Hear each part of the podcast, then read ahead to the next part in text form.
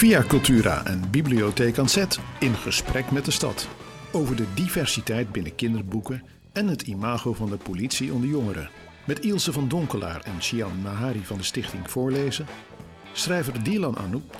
Wijkagent Gabi van Koppel. Jongerenwerker Marouan Marbrouki.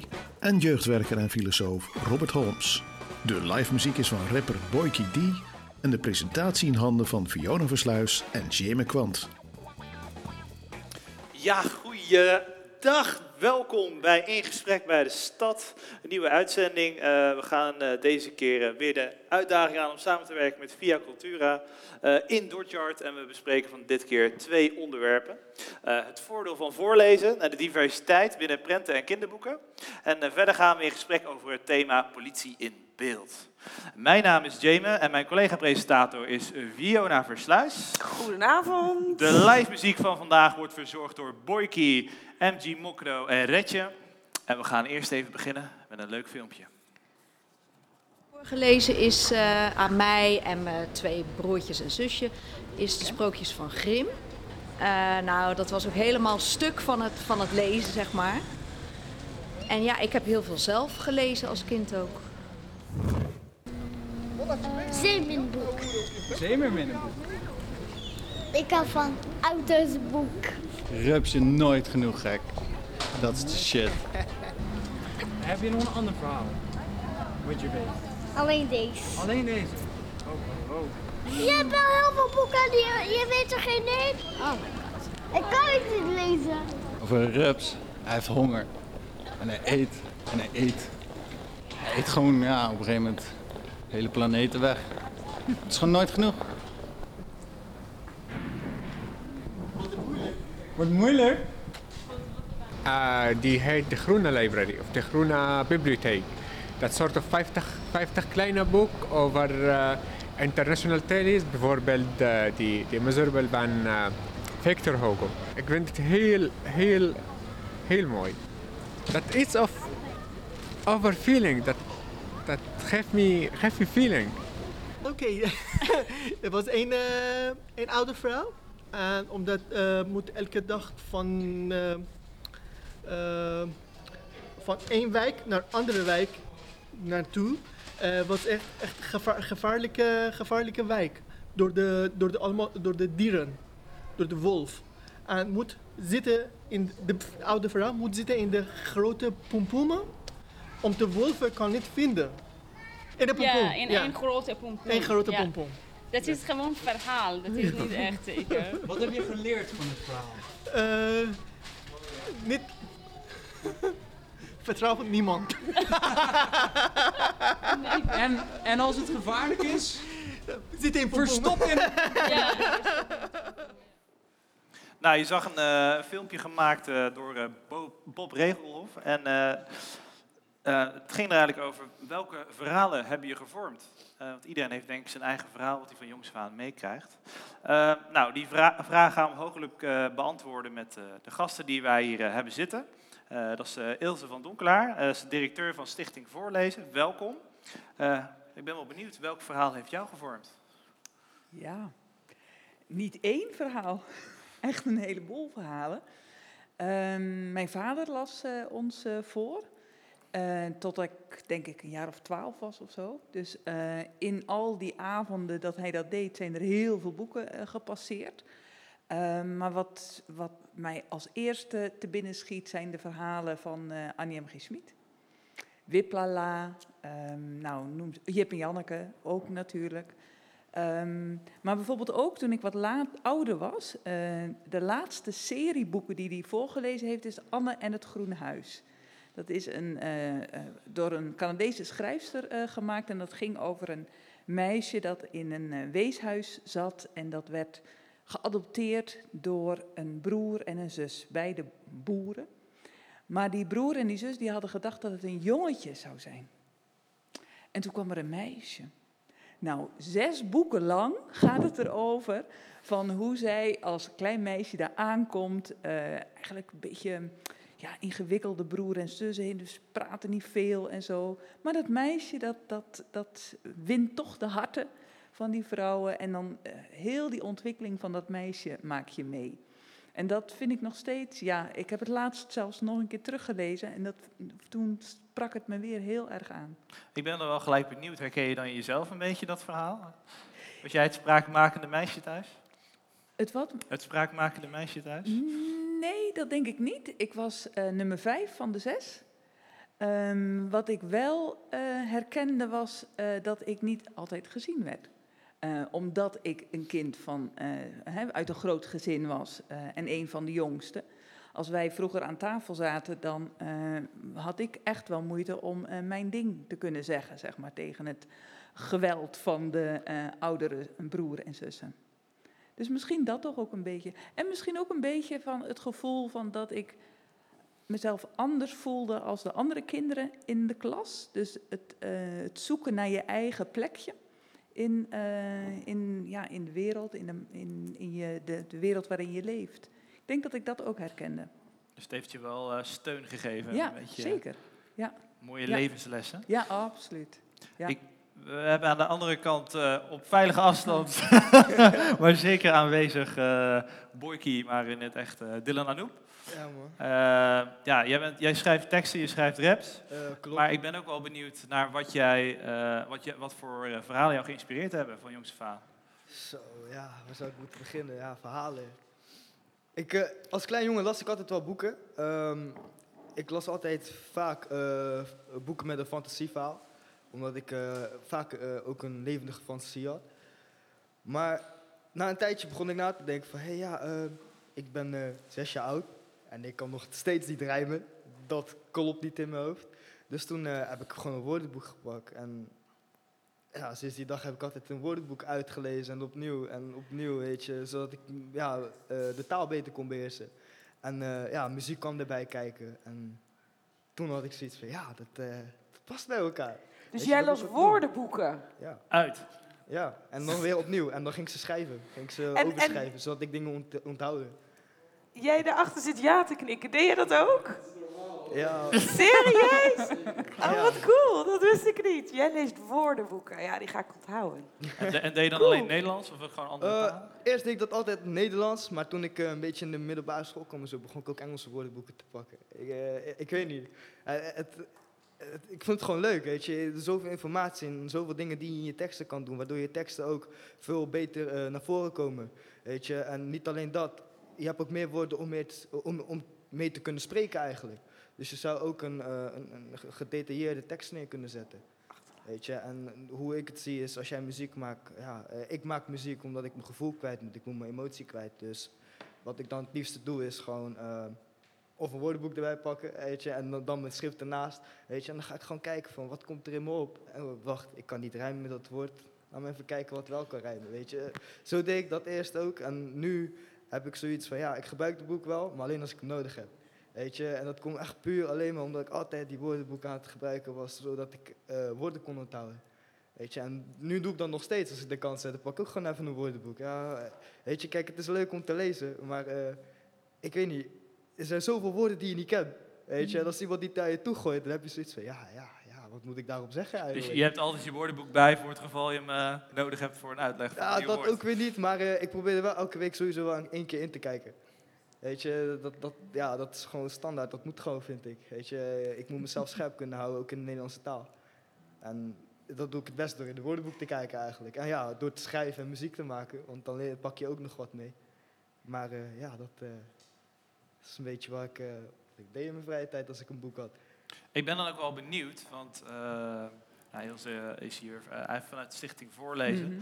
Of jij uh, vroeger verhalen voorgelezen kreeg waar je van denkt, nou, en dat geldt eigenlijk voor jullie allebei, uh, waar je van denkt, zo, dat, daar is die fantasie echt van gaan leven. Of dat raakte mij zo erg dat ik die boeken zelf wou gaan vinden en gaan lezen. Ja, alleen ik weet niet meer wat voor boek het was. Nee.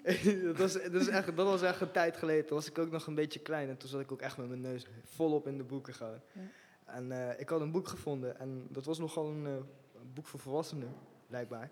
Maar die had ik gelezen en er stonden zoveel dingen in waar ik als klein jongetje zoiets had van, hé, hey, dat gaat wel ergens naartoe. Ik weet niet. Ik kan, ik, ik, ik kan wel zien wa- wat het, wat het boek mij wil vertellen, zeg maar. Maar ik kon het nog niet begrijpen.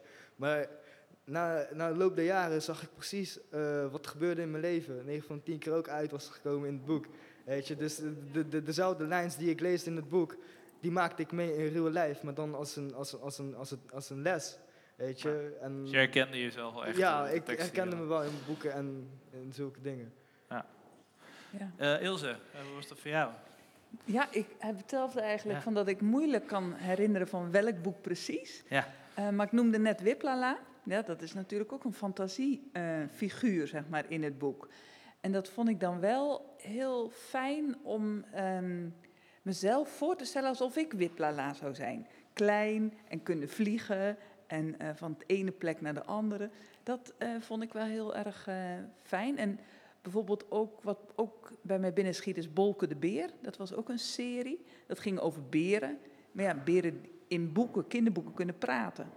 Dus, Dat is eh, logisch. dat- ja, Ja, dat is in boeken ja. heel erg logisch. Ja, en eh, dus ik denk daar misschien ook, ehm, maar ook wel eh, aan de illustraties in de kinderboeken, zeg maar, kan je juist je fantasie geprikkeld krijgen.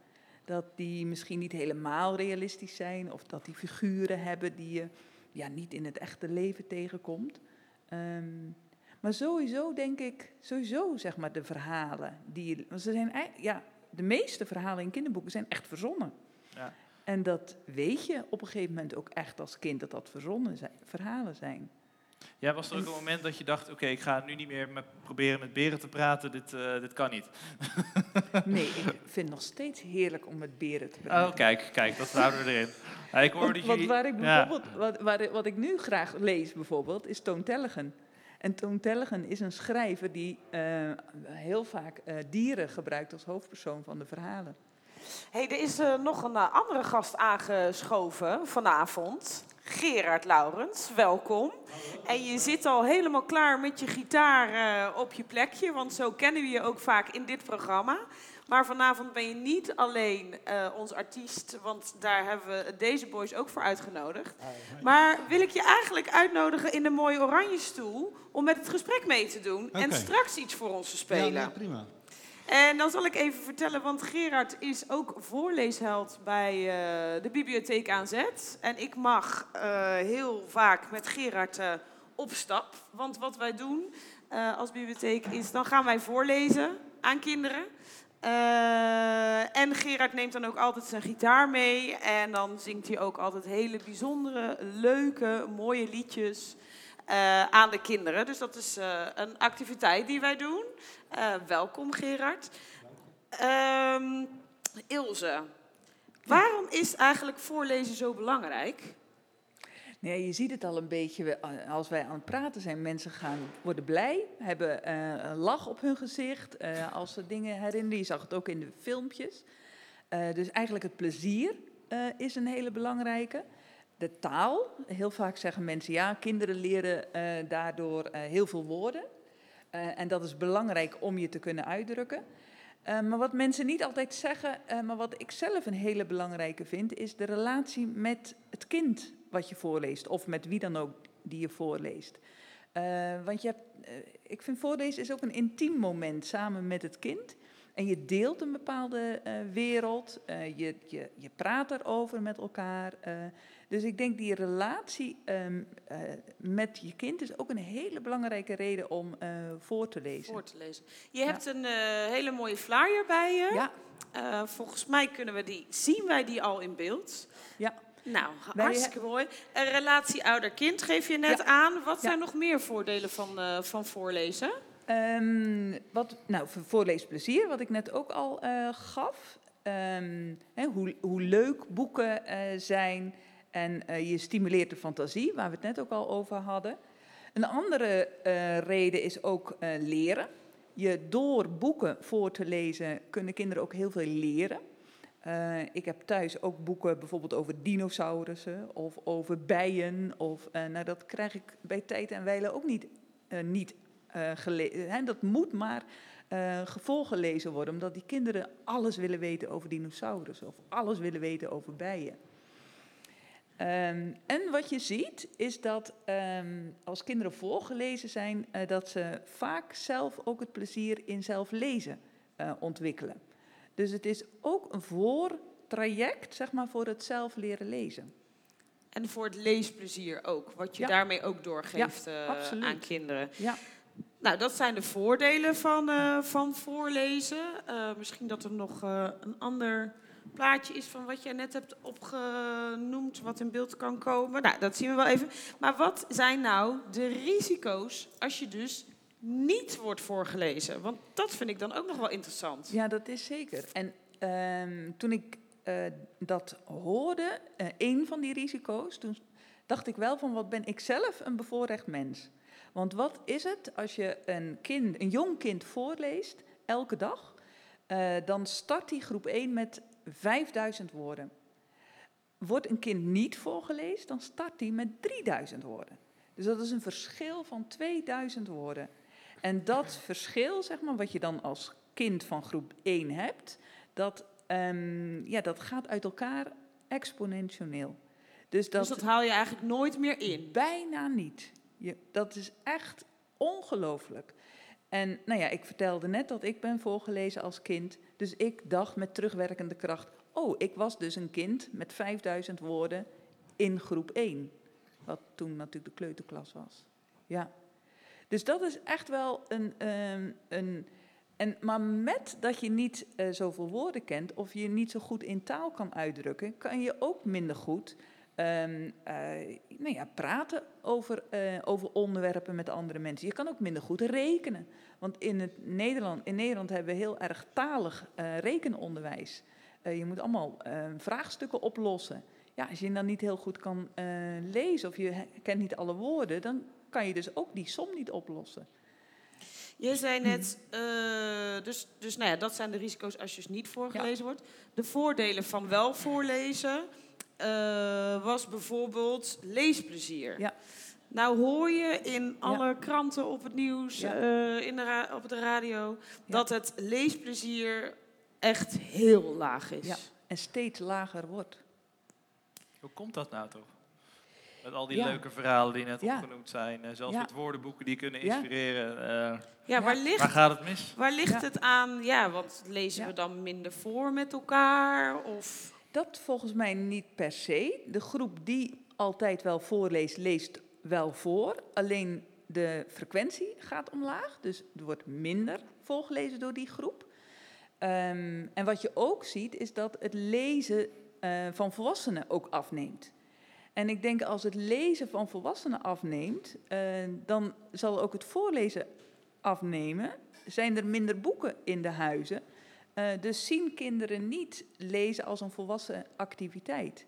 Dus dan is het ook, ja, waarom zou ik eigenlijk lezen? Mijn papa, mijn mama, mijn opa, mijn oma lezen ook niet. Dus het belang van lezen eh, wordt minder, denk ik, doorgegeven. Er is ook een grote afleiding natuurlijk met sociale media. Ik merk dat bij mezelf ook. Ik moet eerlijk bekennen dat ik ook minder lees dan bijvoorbeeld 20 jaar geleden. Ehm, en dat vind ik wel jammer, maar het is ontzettend verslavend als je eh, je telefoon aan hebt en je begint te scrollen. Maar een andere is ook wel in het onderwijs. Dat, eh, Lubach die had daar eh, laatst een prachtig item over. Ehm, waarin eh, eh, leerlingen eh, hebben nu in het, in het basisonderwijs, ze leren technisch lezen. Nou, dat moet je ook. lezen, ja. Maar dat begrijpend lezen wordt ontzettend technisch ingefietst. En ik heb eigenlijk begrijpend leren lezen door de kinderboeken die ik heb, zelf heb gelezen of door die mij voorgelezen zijn. Dus dat waren leuke teksten waarin ik die teksten leerde begrijpen. En nu krijgen kinderen echt hele ja, saaie, zakelijke teksten die ontzettend ver van hun afstaan. Maar Ehm, laten we nou eens dan eens even... Jij zegt van, nou ja, dat is dus een gegeven wat er Ja. nu op school gebeurt. Laten we even met elkaar denken over van... hé, hey, hoe zouden we dit kunnen verbeteren? Wat zouden we... Hoe kunnen we het eh, lezen weer leuker maken? Ja, hoe kunnen we het leesplezier weer van de kinderen... laten we daarmee beginnen, verhogen? Eh, Gerard, jij bent eh, net al aangekondigd als voorleesheld. Nou, volgens mij probeer jij een held te zijn om dit probleem op te lossen. Eh, je hebt natuurlijk ook vaak je gitaar bij, net zoals vandaag. Ehm, kun jij ons vertellen wat, het, eh, wat de muziek toevoegt aan het verhaal? En eh, hoe kinderen daarop reageren? Zou dat het leesplezier kunnen verhogen? De combinatie die jij doet. Ja, voor mij is ehm, eh, de, de liedjes die ik maak. Dus, ik ben zelf dyslect, dus ik uh, als kind heel veel problemen gehad met lezen. Ik werd wel veel voorgelezen. Um, dus ook met schrijven, nog steeds allerlei ezelsbruggetjes. Maar juist door die dyslexie ben ik heel creatief geworden met taal. Doordat ik bepaalde woorden niet wist, moest ik op zoek naar andere woorden die ik wel wist te schrijven. En zo um, ja, ontstond heel veel plezier in, door gedichtjes te maken. Um, dus door mijn creativiteit in taal te stoppen, um, ja, is het um, voor mij nu fijn om te lezen en om te schrijven. En ik wil maar dat... vroeger was het dus eigenlijk niet, vond je het niet fijn? Nee, maar uh, uh, theater, dus uh, goochelen, clowns, maar ook liedjes en, en taal, dat is voor mij een soort één. Dus voor mij was het theater en dat wat er allemaal gebeurde, de verhalen, toneelstukjes, musicals, dat is voor mij taal was dat toen. En dat is eigenlijk nog steeds. En op diezelfde manier probeer ik met voorlezen. Ja, gebruik ik goocheltrucjes, gebruik ik um, poppenkastpoppetjes um, en mijn gitaar en heel veel interactie. En ik, heb, uh, ik lees nu drie, bijna drieënhalf jaar voor bij de Biep. Maar dat zijn kindertjes van 2 tot 4 en van 4 tot 6. En van 2 tot 4, dat was voor mij ook een nieuwe doelgroep. Maar dat is heel erg leuk. Want er is bijvoorbeeld een kledingkast en er staat iemand voor. En wat trekt hij aan? Een rode broek of een gele broek? Nou, dan moeten ze dat raden, sla je om en dan zie je, hij heeft een blauwe broek aan of een gele broek.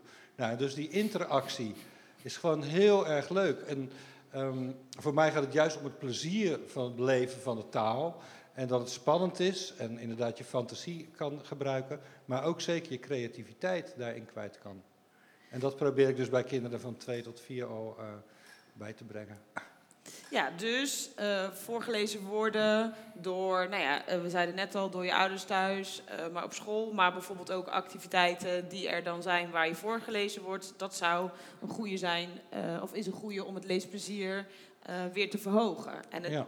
Jij bent dan ook nog, nou ja, wat je zegt met poppenkast en muziek daar ook nog mee bezig. Dus het is een heel... En de spanningsboog bij, bij jonge kinderen is ook heel moeilijk met lezen. Ja. ik lees een half uur voor, maar om kinderen een half uur te laten luisteren. Dus ja, dan merk ik dat met liedjes en met interactie, ja, dat ze kunnen blijven boeien. Dylan, ik ben wel heel benieuwd. Zou jij iets weten waardoor we het leesplezier bij, jongeren, of bij kinderen zouden kunnen vergroten? Weten niet ik denk als we met hem zeggen, lees elke dag een woordenboek, dat ze denken, Nee, nee, nee, nee. no, Dat- gaan we niet doen. Dan moet je zelf zin in hebben, vind ik. Want eh, dat, ja, daar moet je gewoon zelf zin in hebben. Maar eh, hoe, hoe ik het zie is kinderen houden van eh, creatieve dingen die gebeuren om hen heen. Dus die zeg maar hun fantasie aanvuren en vragen laten stellen. Dus ik zat zo te denken, waarom niet de creatieve inslag geven op, op lezen zelf? Net als eh, wat de meneer hier doet. Weet je, dus bijvoorbeeld eh, een gitaar pakken en, eh, een, of een, een boek pakken die als je openslaat, dat dingen eruit springen. Weet je, dat, dat, hoe ik het zie is een kind maken, dat, ik het boeit voor een kind. Want een kind denkt niet net als ons volwassenen na, vind ik. Weet je, niet zitten nog te denken van, hé, ja, wat gaan we morgen doen? Gaan we morgen buiten spelen? Of, weet je, zie ik morgen mijn- maat nog die ik op school zie. Weet dus ik, ik vind juist dat je dat moet behouden. Door, door het eh, op een creatieve manier aan te pakken. Waardoor hun ook een iets van hebben van, oké, we krijgen wel wat mee. Maar het blijft nog steeds leuk om het te doen. Maar dat is denk ik ook een goeie, want eh, jij zegt het, het creatief maken, dus het dicht bij de belevingswereld van de kinderen ook houden.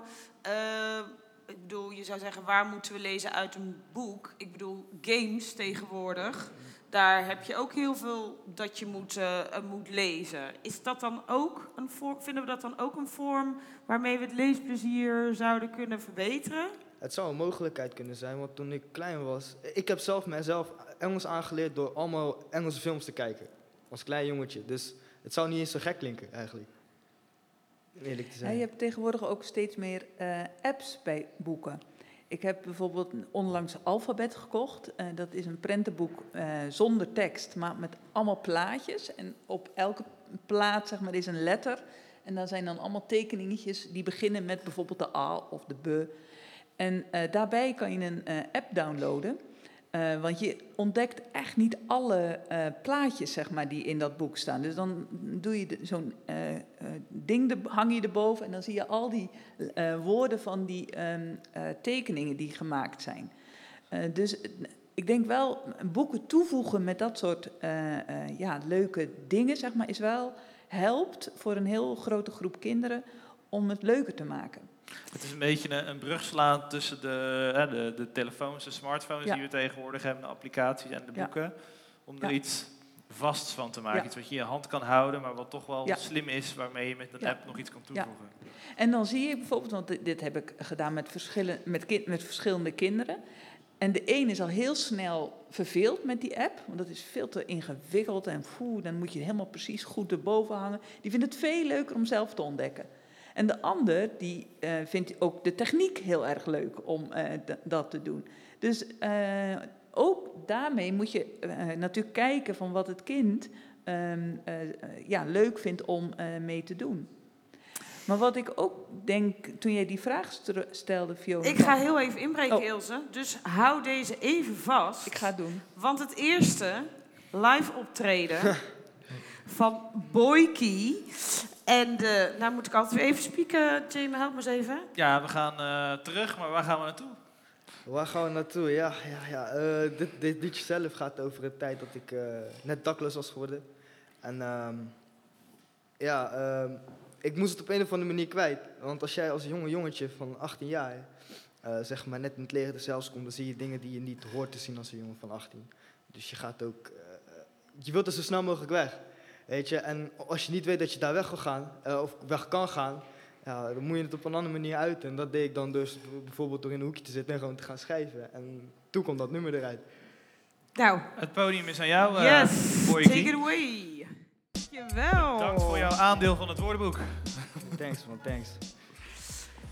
Ilse, ik, ja, sorry, maar ik moest je even eh, onderbreken hiervoor. Maar maak vooral heel even je verhaal af, alsjeblieft. Ja, jij vroeg van hoe kunnen we het eh, verhogen, het leesplezier Ja. eh, bij kinderen. En eh, wat ik heel belangrijk vind, is dat er in het leven van alle kinderen volwassenen zijn die het, de boeken aanreiken. Want ik denk zonder volwassenen die dat doen, komen kinderen nooit bij die boeken. Of tenminste heel laat bij die boeken. En ehm, ik zei net iets over het onderwijs, dat ik eh, vind dat daar dat, dat begrijpend lezen veel te technisch aangeboden worden, wordt. Het, zou heel mooi zijn als ook de eh, docenten, de leerkrachten op eh, basisonderwijs, maar ook op middelbare onderwijs, die volwassenen kunnen zijn voor hun leerlingen. Dus bijvoorbeeld vrije kwartiertjes inplannen dat kinderen gewoon kunnen lezen uit de boeken die ze zelf willen. Maar dat er ook gesprekjes plaatsvinden eh, in de klas en met elkaar over van wat heb je dan gelezen en waarom vond je het leuk of waarom vond je het niet leuk. Dus een soort Dus- mini-leesclubjes of Ja, zo binnen, ja, binnen ja. het onderwijs. Ja. En maar je hebt natuurlijk naast lezen, wat je net ook al zei, dat boek waar je dan mee op je eh, iPhone allemaal. Want je hebt tegenwoordig natuurlijk ook podcast, eh, maar bijvoorbeeld ook luisterboeken. Eh, voor de hele kleintjes digitale prentenboeken. Ja. Dus eigenlijk Er zijn de- de- heel veel- alleen maar nou ja, het boek. Ja, we Het zijn natuurlijk al veel. We ja, zijn we veel zijn veel verder. verder dan dat. En, eh, dus dat maar betekent- weten we dat genoeg? Gebruik, en gebruiken we dat ook genoeg? Nou, ja, ik denk het niet. Maar eh, dat weet ik ook niet precies eh, uit onderzoek of zo hoor. Maar ik, eh, wat ik wel eh, zelf ervaar bij eh, de voorlezers van onze stichting, is als ik bijvoorbeeld vertel over de digitale prentenboeken, heel veel vrijwilligers het dus nog niet weten van dat bestaan. Dus dat is echt iets wat ik altijd herhaal en altijd zeg, van dat dat ook een manier is om, eh, om, vo- om voor te lezen. Ja, je leest niet echt voor natuurlijk, want je kijkt naar het filmpje van dat boek. Ehm, maar wat daar bijvoorbeeld wel heel erg fijn aan is, is dat als jij een, eh, een ouder bent die de Nederlandse taal niet voldoende machtig hebt, bent, dan kan je heel goed naar zo'n digitaal prentenboek eh, kijken samen met je kind. Het Nederlands wordt goed correct aangeboden ehm, en de begrippen eh, snap je ook beter. Eh, want bijvoorbeeld als haas huppelt naar de boom, dan zie je haas ook echt huppelen naar de boom. Dus je ziet die beweging bij het woord. Dus het is, en er zijn heel veel mooie, ook echt mooie digitale prentenboeken. Ja, want het is een mooi bruggetje wat je maakt. eh, want dat is de discussie ook. En eh, daar heb jij ook een project samen met de bibliotheek op. Eh Dordrecht leest voor in verschillende talen. Ja. Heel veel mensen denken volgens mij nog van... nou, je woont in Nederland, lees je kinderen voor in de Nederlandse taal. Maar jij bent met de Biep een project gestart om te zeggen... lees voor in je eigen taal. Ja, en, en nog meer zeggen wij eigenlijk daarbinnen. Want eh, in de grote steden in Nederland groeien, groeit 50% van de kinderen op met verschillende talen. Eh, dus 50% van de, van de kinderen die eh, spreekt eh, twee talen of meer. Ehm, en wat wij zeggen, de BIEB en Stichting Voorlezen, is van ehm, lees, zorg dat je kind in alle talen wordt voorgelezen die hij of zij spreekt.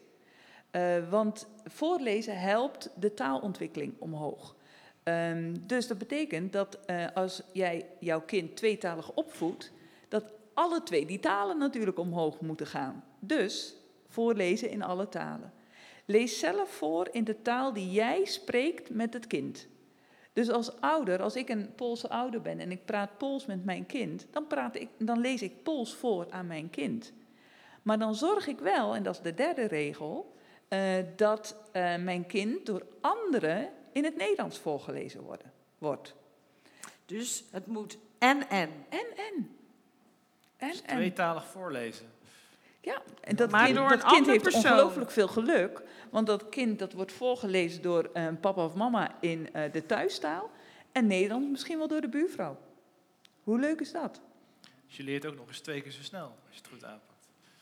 Dus je kan al De- eh, twee, drie, misschien viertalig zijn tegen de tijd dat je naar de middelbare school gaat. Wel, wel als je zeg maar ehm, die talen echt eh, praktisch gebruikt met iemand. En eh, dus het is niet, want ook ehm, eh, meertalige kinderen hebben natuurlijk ook vreemde talen. Dus een eh, kind wat eh, thuis Nederlands en Pools praat bijvoorbeeld, Poolse moeder, Nederlandse vader, daarvoor is Engels een vreemde taal. Want dat leren ze pas op een latere leeftijd. Zijn hier mensen op het podium die tweetalig of meertalig... Ja? Ja, ik ook. En, en eh, gebeurde dat thuis ook zo dat de ene, eh, ik denk in dit geval ouder, eh, dan... Hoe, of nee, hoe ging dat bij jou thuis? Laat ik ook een vraag stellen. Dus uh, spreken we sowieso Nederlands. Ja. Probleem niet. We leren wel woordjes van onze eigen taal mee. Zodat we ook mee kunnen groeien als we terug naar ons eigen land gaan op vakantie. Zodat we daar ook kunnen spreken. Het zal wel raar zijn als je, uh, in mijn geval Marokkaans-Spaans, dat ik in Spanje kom of Marokko kom, dat ik mijn eigen taal niet kan spreken. En daarbij wil ik ook mijn Nederlands goed hebben. En dat is helemaal niet slecht, want daardoor... drie talen dan? Uh, ik zeg je heel eerlijk, gemiddeld. Het is niet perfect. Als ik Nee, het nee, perfect zou spreken, zo. Je ik kan het wel verstaan. Maar drie talen, jeetje, Ja. dan ben je echt een rijk mens, toch? Dat is heel fijn om je... Volgens mij hebben we een nieuwe diverse voorlezer gevonden. Nou, maar ik, ga, ik ga een beetje kritisch zijn. Want ik hoor dat, jij, dat jullie Nederlands praten thuis. Yes. Met het hele gezin. Dan ben je toch eentalig. Nou, als mijn Want je opa- hebt niet zeg maar twee talen vanaf jongs af aan eh, geleerd. Je kan niet de andere talen zo goed als je het Nederlands kan. Nee, maar dat is omdat Ja. ik in Nederland... Maar je bent wel taalgevoelig.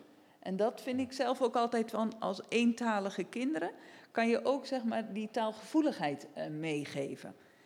Dat, dat is ook denk ik heel belangrijk dat, dat kinderen ook ehm, snappen dat er meerdere talen zijn. eh, daar, en, en ook trouwens volwassenen ook niet bang zijn als bijvoorbeeld twee andere mensen een andere taal praten die jij niet begrijpt. Dat, eh, ja, dat is gewoon. Maar je zei, met mijn opa spreek ik wel altijd een andere taal dan Nederlands. Eh, bij mijn opa en oma, die, eh, Nederlands is niet zo perfect. Dus eh, daarbij spreken ze vaak Berbers in dat geval, in Mar Ja. Marokkaans. Ja. En dan, eh, ja, ik reageer meestal Nederlands terug, zodat hun Nederlands leren en ik Marokkaans ophouden. Het is best... Ja, en ik ben benieuwd. Ja, wat- Ja, Dylan, jij ook? Eh, ja, eh, ja, ik ben Surinaams opgevoed, dus eh, ik kreeg San Antonio. Ja, dat wordt niet echt gezien als een taal, maar dat kreeg ik ook mee. Ik kreeg Hindustaans mee, Nederlands en ja, Engels ook wel, maar dat heb ik En was er dan één persoon in het gezin die die taal met jou sprak? Of Eh, ging het dan ook zo gemengd? Ja, ik kom uit een gebroken gezin, dus mijn moeder, ik had alleen mijn moeder. En eh, mijn moeder sprak dan altijd hun staans tegen mij, of eh, Nederlands. En dan kom ik bij mijn vader, dan was het Nederlands of uh, Sranang-Tongo. Oh, ja. Of een beetje Engels, weet Ja. je. Dus dan, ke- ik kreeg het wel mee, zeg maar, maar ik, ik had wel zelf moeten uitzoeken wat ik wel wou pakken en wat niet.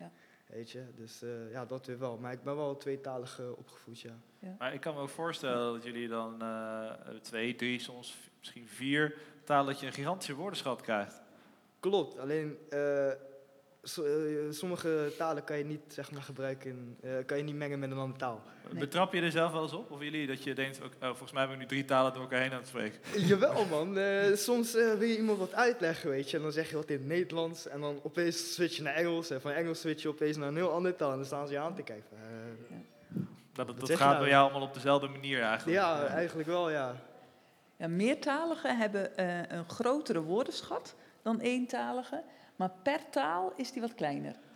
Dus dat is, eh, dat is, vond ik ook mooi, omdat ik dat, toen ik dat een keer hoorde, van in zijn geheel is de woordenschat groter, maar per taal ietsjes eh, kleiner. Ja. Nou hebben we het over taal. Ja. Eh, daarin kan je voorlezen. Ja. Ja, want achter jou staan ook een aantal boeken, Ilse. Ja. Want niet alleen taal is belangrijk, maar ook de diversiteit aan Ja. hoofdpersonen Ja. in een boek is denk Ja. ik belangrijk. Ja. Kan je daar iets over vertellen? Nou, ik heb dit boek eh, zelf meegenomen. Eh, dat heet Zoveel, van Helen Oxenbury. Ehm, in de tijd dat ik dit kocht, woonde ik in Amsterdam. En ehm, had ik onder, eh, Surinaamse onderburen. En dat meisje wat daar woonde, kwam bij mij spelen. Nou ja, ik, ben, ja, ik lees altijd voor aan iedereen die bij mij komt. Eh, dus ik las ook aan haar voor. En op een dag vond ik dit boek in de boekhandel. En ik was zo ongelooflijk blij.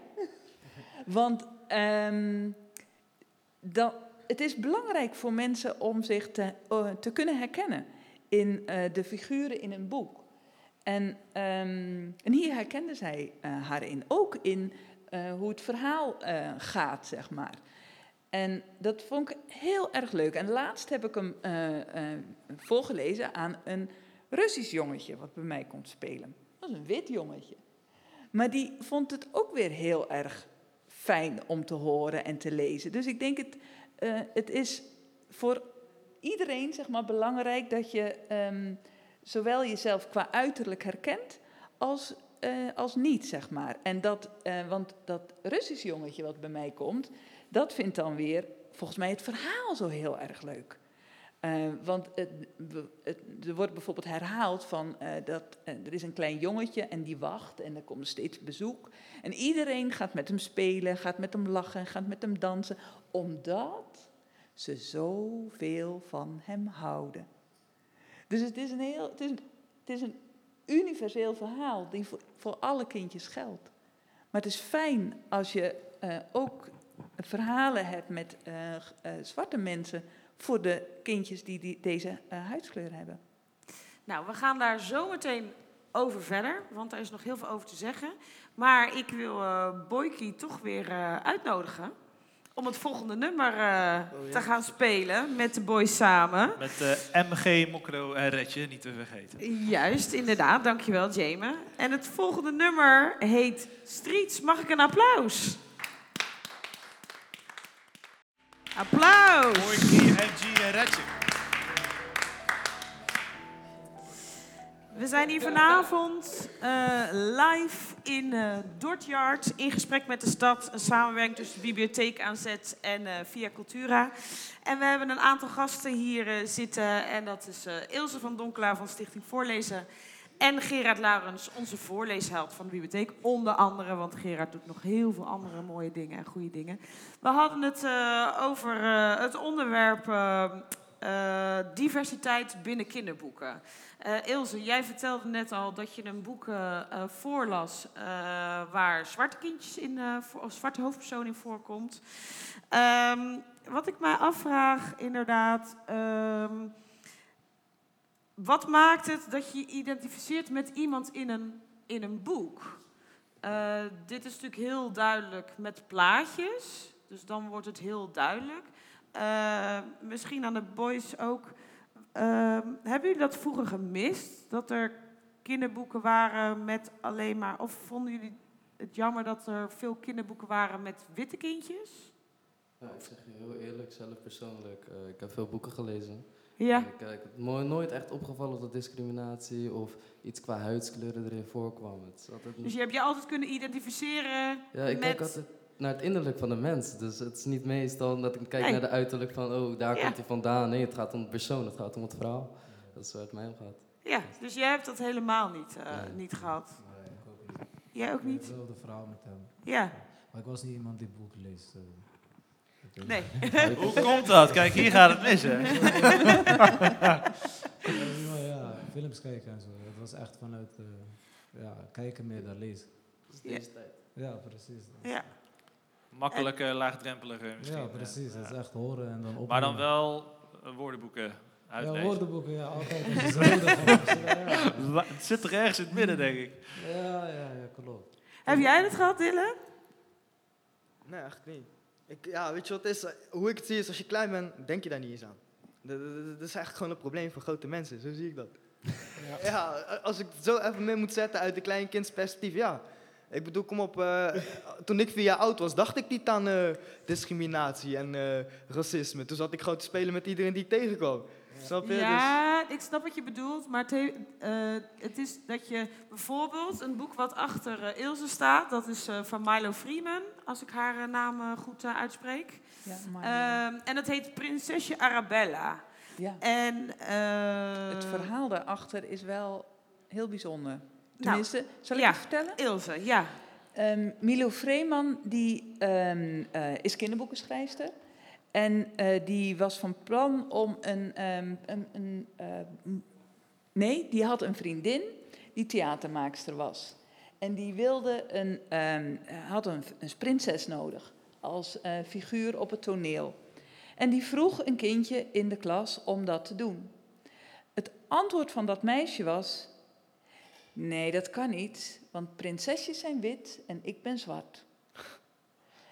En dat is, eh, toen, dat was het moment dat Milou, zelf eh, een eh, kind van dubbel bloed, Nederlandse moeder, zwarte Amerikaanse vader, dat ze zei van, dit moet anders. Dit, ook zwarte meisjes moeten voluit prinses willen en durven zijn. Dus toen heeft zij Prinses Arabella gemaakt. En Zeemermin. En, en van alles nog meer. En Potje heeft ze ook gemaakt. Dit heb ik eh, ook meegenomen. En dit heeft zij gemaakt omdat zij toen zij zelf een kind kreeg... nog steeds eigenlijk te weinig zwarte kindjes vond in, het, ehm, in boeken. En toen heeft zij het potje gemaakt overzinnelijk worden. En uiteindelijk komt er een ehm, zwart jongetje. Daar, het potje staat in het oerwoud. En van wie is dat potje nou? Nou, dat is voor het jongetje met de liefste billetjes. En dat is de zij. Dus ik denk dat het toch onge... zonder dat we het eigenlijk echt bewust zijn, ontzettend belangrijk is van wat we eh, kinderen meegeven, maar ook wat we onszelf meegeven. In van eh, dit vinden we heel normaal of dit vinden we juist helemaal niet normaal. Ehm, je hoort natuurlijk ook wel eens in de media, ehm, als je eh, Marokkaan zegt, dan wordt dat gelinkt aan eh, crimineel en aan verschrikkelijk en aan eh, islamisering. En, terwijl dat natuurlijk helemaal niet het enige verhaal is. eh, ehm, en absoluut ook niet het ho- hoofdverhaal. Maar als je dat niet ook in boeken anders brengt, dan zijn die kaders die je gewoon ge- krijgt via media, die zijn dan overheersend. Dus ik denk dat er een tegengeluid moet komen vanuit de boeken. Heb, heb jij dat, identificeer je je ook met iemand in een boek? Moet die persoon op jou lijken? Vind je, vind je dat Ja, belangrijk? Of? Ja, dat kan een olifant zijn, maar een eekhoorn of een krokodil of een kabouter of een reus. Snap je wat ik bedoel? Dus dat, dat kunnen kinderen, die hebben heel veel fantasie. En kinderen staan ook voor alles open en zijn heel onbevangen.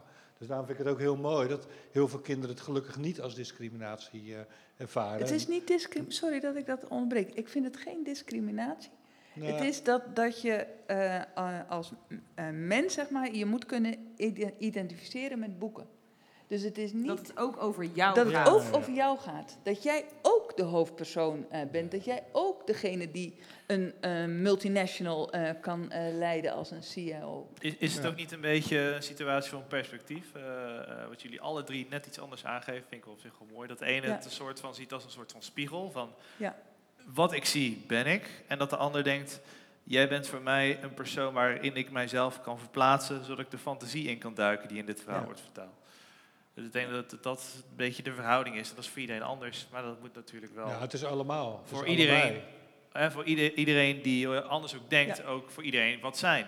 Ja. Dus dat, maar Ja. ik denk dat mensen wel eh, op zich, nou, iedereen staat er net iets anders in, maar Nee. het is wel belangrijk dat voor iedereen Ja. er ook daadwerkelijk iets Ja. is. Ja, is en wel- heel vaak wordt de beeldspraak ook gebruikt van inderdaad, boeken kunnen spiegels zijn, wat jij zegt. En boeken kunnen, en waarin je dus jezelf herkent, maar boeken kunnen ook ramen zijn. Waar je doorheen kijkt eh, om naar een heel andere wereld eh, te kijken. En die twee functies, eh, die, die moet je wel allebei kunnen vinden in je boeken, denk ik. Maar we kunnen gewoon wel even constateren hier met z'n allen. Ik bedoel, ik heb deze boeken nu even zo uit de bibliotheek gepakt. Ja. Eh, dat het aandeel, kinder, aan, aandeel kinderboeken waar zeg maar, veel diversiteit in voorkomt, gewoon nog wel echt veel minder is. Veel minder is. Dan Ja. waar nou ja, eh, witte gezinnen, witte kindjes Ja. in voorkomen. En dan heb je natuurlijk nog de boeken waar het over dieren, want dat is terecht wat jij zegt, Gerard. Dat hebben we natuurlijk ook nog. Ehm, maar ligt dat eraan dat er ook zeg maar te weinig diverse, want net zoals eh, Milo is zelf ook eh, natuurlijk eh, van een andere achtergrond, etniciteit. Zijn er ook te weinig kinderboekenschrijvers? Of kan je zeggen van, nou ja, het maakt niet uit als je kinderboekenschrijver bent, dan kan je ook een boek schrijven over een andere cultuur. Net zoals dat iemand die een boek schrijft over de 17e eeuw daar heel veel informatie over ophaalt en daar een boek over schrijft. Eh, ja? Ja, Jij gaat- houdt van andere genres toch? De ene houdt van geschiedenis, de andere houdt van een beetje sprookjesachtig. Dus je zou moeilijk, dan zou je alle boeken eigenlijk moeten veranderen. Of als ik kijk naar Harry Potter zelf, vind ik dat een hele mooie boek. Je hebt daar zeven boeken in totaal van. Ja. Of, ja, zeven. Toen ik jong was, ik heb ze allemaal gelezen. Ik, niet dat ik ze allemaal nog onthoud, ik heb de film gezien, dat is anders. Maar het was voor mij prachtig. En ik heb daar nooit anders naar gekeken. Ik heb er naar gekeken als dit is het verhaal. En daaruit leef je jezelf in. Iedereen heeft zijn eigen levenswijze. Iedereen heeft een opvoeding thuis gehad of op school dingen meegemaakt wat je beïnvloedt.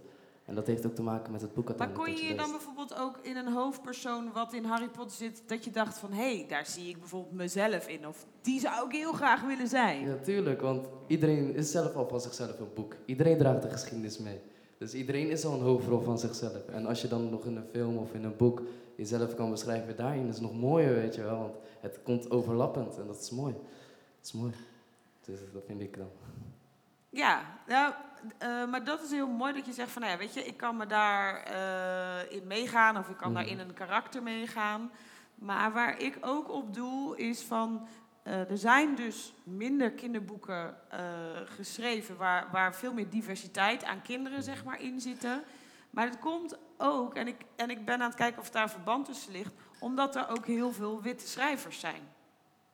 En dan vooral kinderboeken of prentenboeken. Zou dat met elkaar te maken hebben? En mijn vraag is dan ook, wat ik mezelf afvraag, moet je dus eh, van een andere etniciteit zijn om een, die, een boek over diversiteit te kunnen schrijven? Nou, als ik hierover zou nadenken in ehm, India, gaat het over misschien in, in, eh, mensen die uit India komen. Want daar zijn mensen die uit India zijn, die schrijven daar boeken voor hun eigen land. Net zoals wij in Nederland zijn, hebben we Nederlandse schrijvers meestal. En in Nederland zijn we gelukkig dat we ook heel veel cultuur hier hebben. Dus in Nederland is dat verschillend. Alleen ik denk als je ja, in een ander land zit, dat dat ook verschillend is. Dus als je in een land komt, in Suriname, dat eh, het meestal over Surinamers gaat. Dat lijkt mij logisch, dus in eh, het land waar je leeft. Gerard, heb jij daar een idee bij? Of... Nee, ik, ik heb met mijn liedjes die ik nooit schrijf daar gedachten over van, oh, ik moet ehm, daar rekening mee houden of zo. Of ik heb daar ook nog nooit iets over geschreven. Nee. Met Schrijf lezen- gewoon vanuit ik je heb fantasie, Van, ja. ja. maar ik ik denk ook van eh, wat je zegt, van, dat je gewoon in kan leven in een verhaal. Dus eh, ik kan Ja. me mm, ook inleven in iemand die zwart is, of die donker is, of van een andere nationaliteit.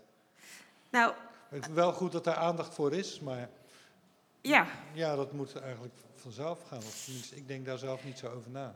En dat hoor ik van hun ook eigenlijk van, ja, dat, dat, dat ze er ik, nooit vind last het, ik vind het een mooie constatering. Ik zat er zelf anders in, maar door dit gesprek, Ja. dank jullie wel daarvoor. Voor, eh, kijk daar ook anders tegenaan.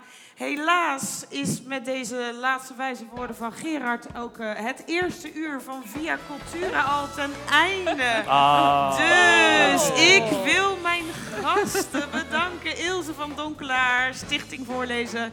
Gerard Laurens, voorleesheld van de bibliotheek. Boykie en de Boys zien we zo weer terug. Het tweede uur gaan we het hebben over politie in beeld. En dan hebben we onder andere Gabi van de Koppel, wijkagent Robert Holmes, filosoof en jongerenwerker Amin Daoudi van Renewed. En zien we jullie zo weer